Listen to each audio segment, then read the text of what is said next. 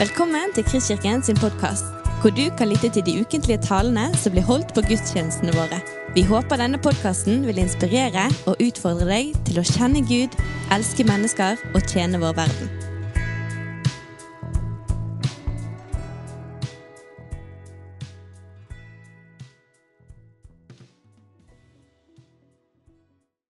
God palmesøndag, sier man det? Det passer i hvert fall å si det. Så det er jo flott at vi er kommet hit. Det føles jo helt sånn vanlig å sitte her i kirken sammen, og så er det jo ikke mange ukene siden det var alt annet enn vanlig, så vi lærer oss kanskje å sette mer pris på ting vi tidligere tok for gitt, og det er jo ikke så dumt. Du, vi bare går rett på sak, og så leser vi dagens eh, tekst fra Johannes-evangeliet, fra det tolvte kapittelet, og vers 1 til 13. Seks dager før påske kom Jesus til Betania, der Lasarus bodde, han som Jesus hadde vekket opp fra de døde. Der ble det holdt et eh, festmåltid for ham. Martha vartet opp, og Lasarus var blant dem som lå til bords sammen med ham. Da kom Maria med et pund ekte, kostbar nardussalve, og med den salvet hun Jesu føtter og tørket dem med håret sitt. Hele huset ble fylt av duften. Da sa Judas Iskariot, en av disiplene, han som siden forrådte ham, Hvorfor ble ikke denne salven solgt for 300 denarer og pengene gitt til de fattige? Dette sa han ikke fordi han hadde omsorg for de fattige, men fordi han var en tyv. Det var han som hadde pengekassen, og han pleide å ta av det som ble lagt i den. Men Jesus sa, La henne være. Hun har spart salven til den dagen jeg skal begraves. De fattige har dere alltid hos dere, men meg har dere ikke alltid. Det ble kjent i den store mengden av jøder at Jesus var i Betania. Nå kom de dit, ikke bare for hans skyld, men også for å se Lasarus, som han hadde vekket opp fra de døde. Da la overprestene planer om å drepe Lasarus også. For mange av jødene dro dit på grunn av ham og kom til tro på Jesus. Dagen etter fikk folkemengden som var kommet til festen, høre at Jesus var på vei inn i Jerusalem. Da tok de palmegreiner og gikk ut for å møte ham, og de ropte, Hosianna, velsignet er Han som kommer i Herrens navn, Israels konge. Da jeg var barn, så var mine foreldre og mine søsken og jeg med i en sånn familiemisjonsgruppe sammen med familien Heitmann, altså Ragnhild og Stig, som dere kjenner, og familien Vaktskjold. Du ser jeg Kelly i hvert fall er bak her, så det er hennes svigerforeldre og familien der. Og noen til. Der pleide vi bl.a. å synge sammen. Og når det er barn som får velge sanger, så blir det gjerne noen gjengangere. Sånn er det vel egentlig med voksne òg. Og en av de faste sangene som vi sang, den kom frem så mange ganger at min stakkars bror Bjørnar han ble veldig lei av den. Sånn at når noen foreslo den sangen, så lot han ikke Det var ikke vanskelig å forstå at han ikke likte det så godt. Så han har måttet tåle mye.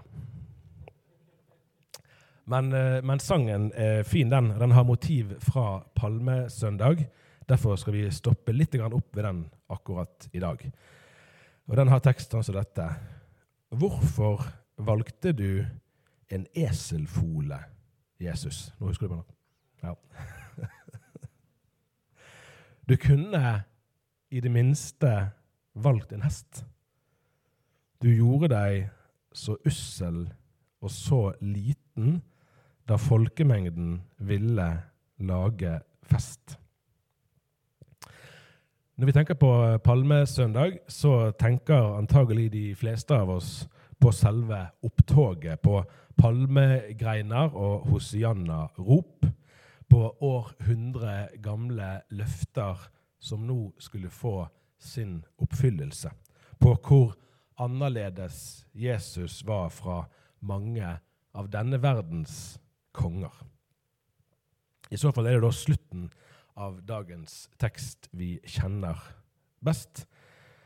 Den tar eh, opp i seg noen av de samme dybdene som vi kjenner fra flere andre episoder i evangeliene. Vi kan med rette snakke om profetiske dybder, om profetiske vendepunkt. Som for kvinnen ved brønnen, idet hun innser at Jesus ikke er kommet for å fordømme henne. Eller kvinnen som var grepet i hor, som opplevde at Jesus ga henne verdighet og oppreisning rett foran øynene på de religiøse mennene som måtte gå mer eller mindre ydmyket derifra. Eller Peter, idet han fremsier sin store bekjennelse 'Du er Messias'. Eller Thomas, som etter oppstandelsen utbryter det som har blitt en, en kristen urbekjennelse 'Min Herre og min Gud'.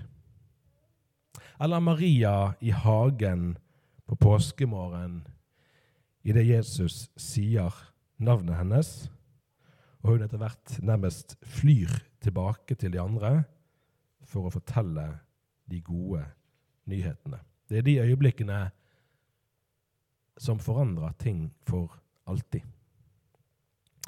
Hosianna, Herre frels, eller gi frelse. Også de kraftige ordene Velsignet er Han som kommer i Herrens navn, Israels konge. Disse ordene blir ikke brukt om hvem som helst. For eh, jødene som ventet på Messias, var dette tungt ladde ord. Kan det virkelig være sant? Er det virkelig ham? Er det Messias som kommer? Er det nå løftene får sin oppfyllelse? Er det dette vi er vitner til her og nå? Når vi leser om slike scener, er det lett for at vi hopper rett til jubelen. Det blir litt som å hoppe rett til frieriet i en kjærlighetsfilm. For et par uker siden var jeg og hørte Garnes eh, fremføre påskemusikal 'Gåten om korset' i Forum.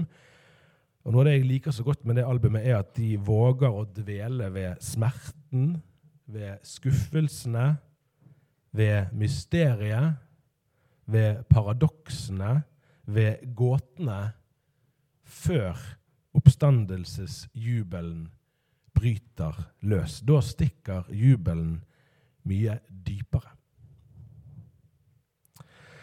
Hos eh, profeten Zakaria i Det gamle testamentet leser vi i kapittel 9 og vers 9. Bryt ut i jubel, datter Sion. Rop av glede, datter Jerusalem. Se, din konge kommer til deg, rettferdig og rik på seier. Fattig er han og rir på et esel på en eselfole, som vi hørte og så her i sted. Jubelen der er langt mer enn et øyeblikks begeistring. Gleden stikker dypere enn det flyktige. Kongen kommer til dem. Kongen kommer til oss. Men han kommer ikke for å dominere eller for å undertrykke eller for å kontrollere. Han er rettferdig, han er rik på seier. Vi trenger ikke å være i stuss når det gjelder hans kongeverdighet eller hans autoritet. Men han er fattig og han kommer ikke på en kongestol. Han rir tvert imot på et esel. Hans identitet, hans trygghet, den hviler ikke på ytre maktsymboler. De klarer han seg uten. Det var heller ikke sånn at hele Jerusalem tok del i denne feiringen. Antagelig var det en relativt begrenset forsamling, ellers hadde nok romerne grepet resolutt inn. Så ytre sett var det antagelig ikke noen opplagt verdenshistorisk begivenhet som fant sted idet Jesus kom inn i Jerusalem. De fleste som var i den byen denne påsken, visste kanskje ikke om at dette skjedde. Men det var likevel kongen som kom. Han ble ikke mindre kongelig av at opptoget antagelig var relativt beskjedent. Men noen visste. Noen fikk se det. Noen fikk ta del i lovprisningen. Noen fikk ytre de profetiske ordene som vi kjenner fra Salme 118. Velsignet er Han som kommer i Herrens navn. Ordene klinger kanskje litt som når jødene den dag i dag hilser hverandre med 'neste år i Jerusalem'.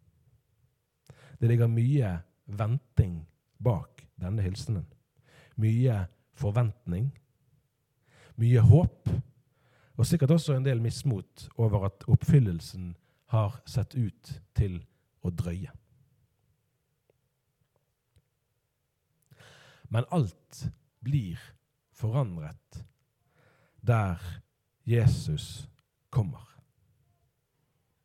Jesus har en enestående evne til å gjøre himmelriket synlig.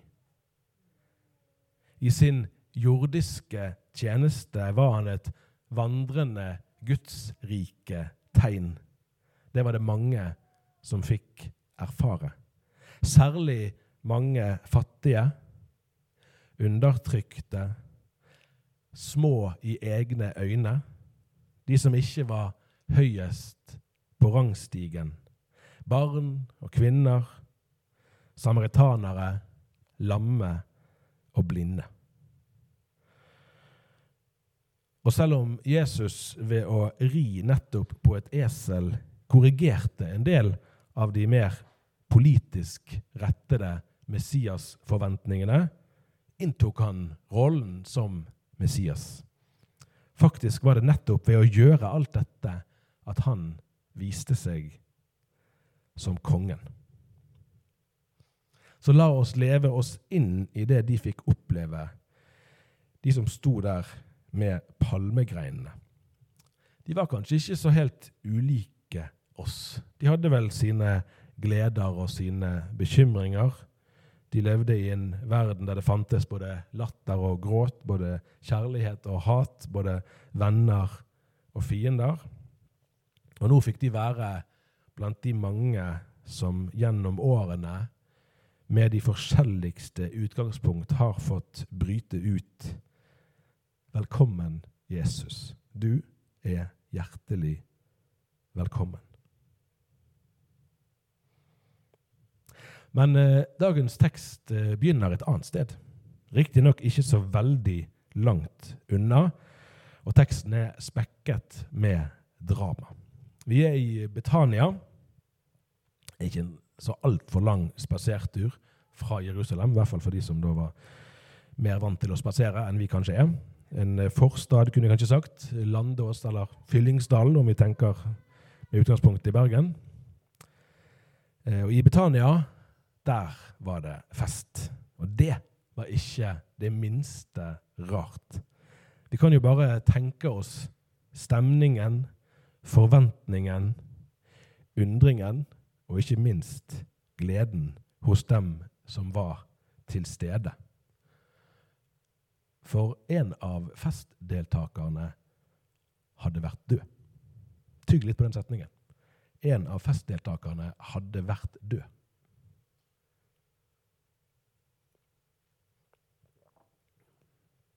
De andre som lå der til bords, som man gjorde på den tiden, de hadde nok noen spørsmål å stille ham. Og de hadde sikkert noe å spørre Jesus om òg. Vi kan tenke oss at han smilte og gledet seg sammen med de over at eh, Lasarus levde igjen. For eh, i livet har Gud sitt behag. Men tenk for en spesiell atmosfære det må ha vært blant de som faktisk lå der og kunne se ja, der borte er Lasarus, og der borte er Jesus like foran seg. De eh, tenkte nok sitt mens de tygget og svelget og lyttet og pratet. Det var sikkert eh, noen som lo, og det var sikkert noen som måtte tørke tårer. Disse var virkelig med på ekstraordinære begivenheter. Så når selve skildringen av festen et klimaks idet Maria kommer med kostbar salve. Og Dette er ikke en tilfeldighet eller et uhell. Dette ser ut til å være et uhell, men at det ikke var ikke noe som bare var i øyeblikkets innskytelse. Det virker som hun hadde planlagt. I Bibelen er ofte salve forbundet med innvielse, salvelse. Eh, det kan vi si er tilfellet òg her. Men det var ikke vanlig eh, olivenolje Maria brukte. Denne salven var noe helt utenom det vanlige. Jeg skal ikke gå inn på hele historien om Nardus og India og opprinnelsen. det kan dere lese. Men den dag i dag er jo Nardus en betegnelse på noe særlig verdifullt. Kanskje snakker vi en årslønn. Kanskje var det farsarven som her gikk med. Og med tanke på at eh, Jesus hadde jo gitt henne broren tilbake, så var det jo en, en stor takknemlighet som nok lå til grunn. Noen tror at eh, husen der, der festen fant sted, var hjemmet til eh, Martha, Maria og Lasarus sin eh, far. De tilstedeværende skjønte nok det, at her gikk det med mye penger. Jeg snakket med, med Gunnar Ferstad, som var tidligere forsamlingsleder i Betlehem og nå rektor på bildet. Han, han er sunnmøring, så han sa det at denne salven her luktet det penger. Ja, og det var bokstavelig talt sant, det. Og igjen, for en scene idet Maria salver Jesu føtter og tørker dem med håret sitt alle som hadde luktesansen noenlunde intakt, der jeg altså ikke medregnet, de måtte legge merke til det som skjedde. Og Jesus hindrer henne slett ikke. Det som kan virke som eh, sløseri, ja, som eh, overdådig, det blir anerkjent. Den mest opplagte forutsetningen er dette. Maria hadde forstått hvem Jesus var. Derfor var det betimelig, det hun gjorde. Det var på sin plass.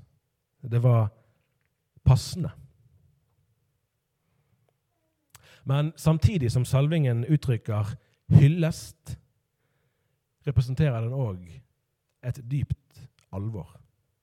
Vi kan se på dåpen som en parallell.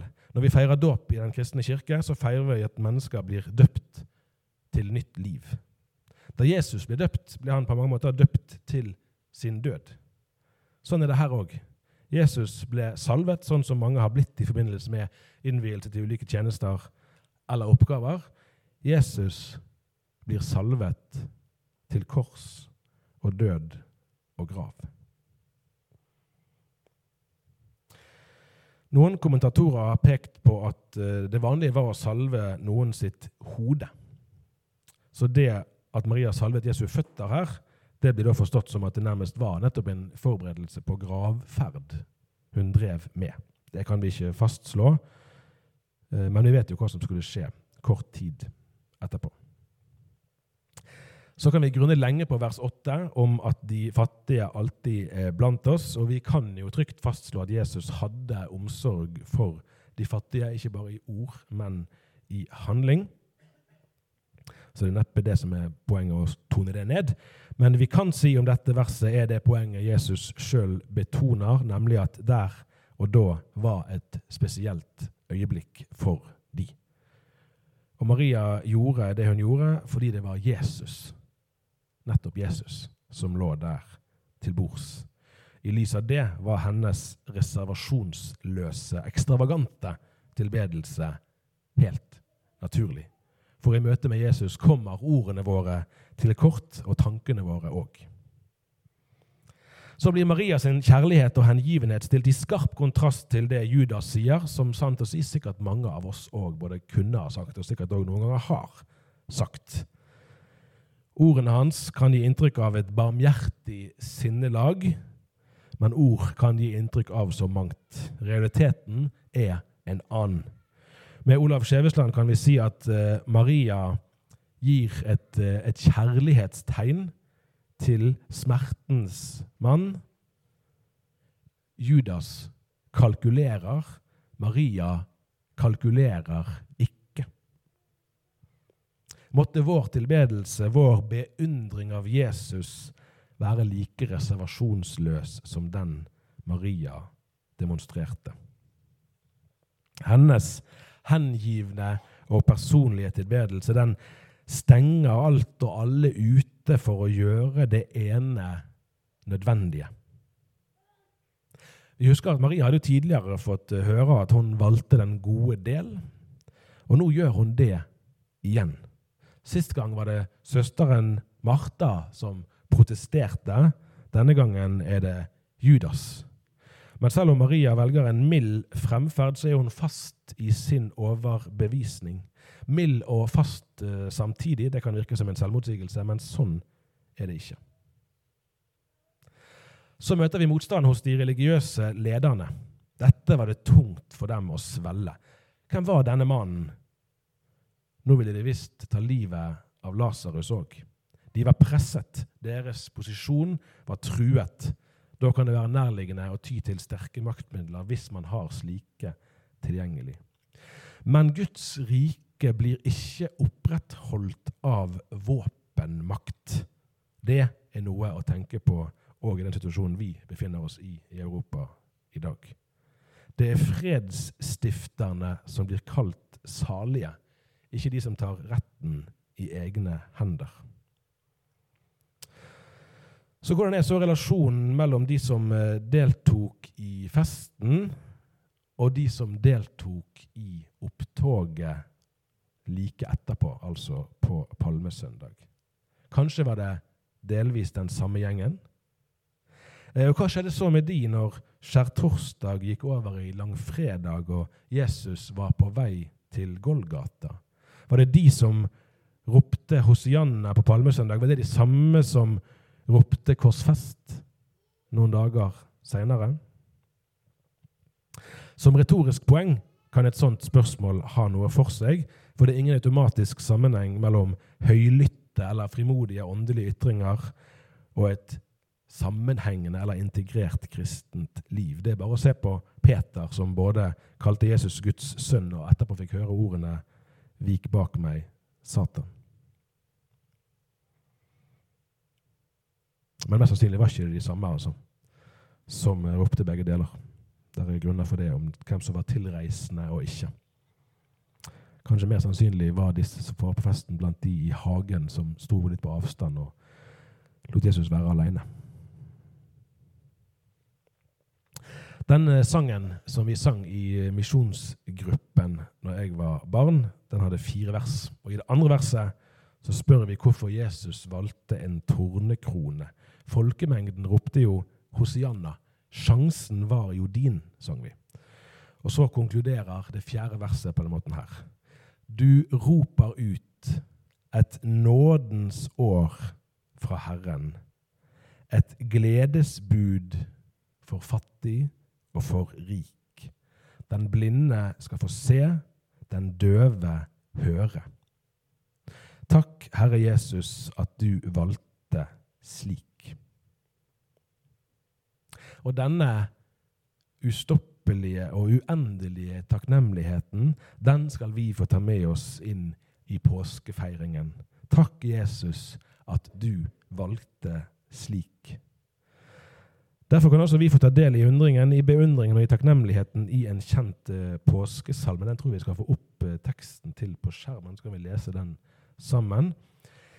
Se, vi går opp til Jerusalem i hellige fastetider og ser hvordan Jesus, Guds egen sønn, i stedet for syndere lider. Se, vi går opp til Jerusalem. Hvem deler Vår Herres smerte? Hvem våker med Jesus i verdens natt og bærer hans sorg i sitt hjerte? Se, vi går opp til Jerusalem, til Frelserens kors og pine, til lammet som ofres for verdens skyld, for syndene dine og mine. Se, vi går opp til Jerusalem, til byen med glans og ære, for Frelseren sa oss at der Han er, skal vi ved Hans nåde få være. Reidar Paulsen skrev om eh, Palmesøndag for mange år siden at eh, Jesus aksepterte folkets hyllest slik han hadde akseptert Peters bekjennelse. Begge deler kom fra ufullkomne mennesker. Det er ikke sikkert at de som roper frimodig Hosianna i dag, fremdeles gjør det i morgen. Vi kan likevel se noe av hjertelaget, selv om det hjertet òg er svikefullt. Mange slags kjærlighetserklæringer lover jo mer enn de som kommer med erklæringen, viser seg å kunne eller ville holde. Det stabile her er ikke folkene som ropte Hosianna, men Jesus som er i går og i dag den samme, ja, til evig tid. Paulsen skrev òg noe som i dag har blitt eh, ubehagelig aktuelt, at Jesus kom ikke som noen krigsherre, men som fredsfyrste. Det bar eselet bud om. Jødene ønsker seg en Messias som kunne fri dem fra romerne. Vi ønsker oss kanskje en statsleder som kan stoppe sekulariseringen. Men så viser Jesus seg som en annerledes konge, en som kjemper på en annen måte. Hans våpen er ikke laget av jern og metall, men de retter seg mot menneskenes indre, mot menneskenes hjerter. For det er der de viktigste forandringene må skje. Så selv om vi ikke har så mange palmer å vifte med her i dag, så kan vi derfor helhjertet få ta del i hilsenen. Hosianna, velsignet er Han som kommer i Herrens navn, Israels konge. God påske. Ære være Faderen og Sønnen og Den hellige ånd, Han som var, er og blir en sann Gud fra evighet og til evighet. Amen. Du har lyttet til en podkast fra Kristkirken i Bergen. Vi håper du har blitt inspirert og utfordret i din vandring med Gud. Vil du vite mer om oss, så klikk deg inn på kristkirken.no.